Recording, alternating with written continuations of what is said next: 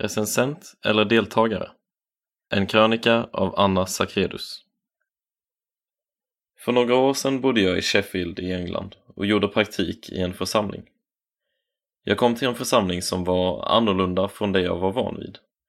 Församlingen höll till i en gammal lagerlokal och det var stort fokus på den heliga ande. Som ny i församlingen var det många saker jag var ovan vid. Jag minns en gudstjänst i början av terminen då jag satt längst bak i kyrkan och pastorn höll på att avrunda en predikan. Han bad hela församlingen komma fram för att be tillsammans. Jag minns att jag satt och tänkte mycket på vad jag tyckte om predikan. Om den var bra och vad jag tyckte om människorna och gudstjänsterna.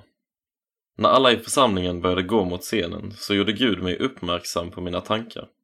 Jag insåg att om jag ska bli en del av församlingen kan jag inte sitta och fundera över vad jag tycker om den. Jag behöver bli en del av den. Så jag gick fram tillsammans med alla andra och försökte från den dagen bli en del av församlingen istället för att bedöma den.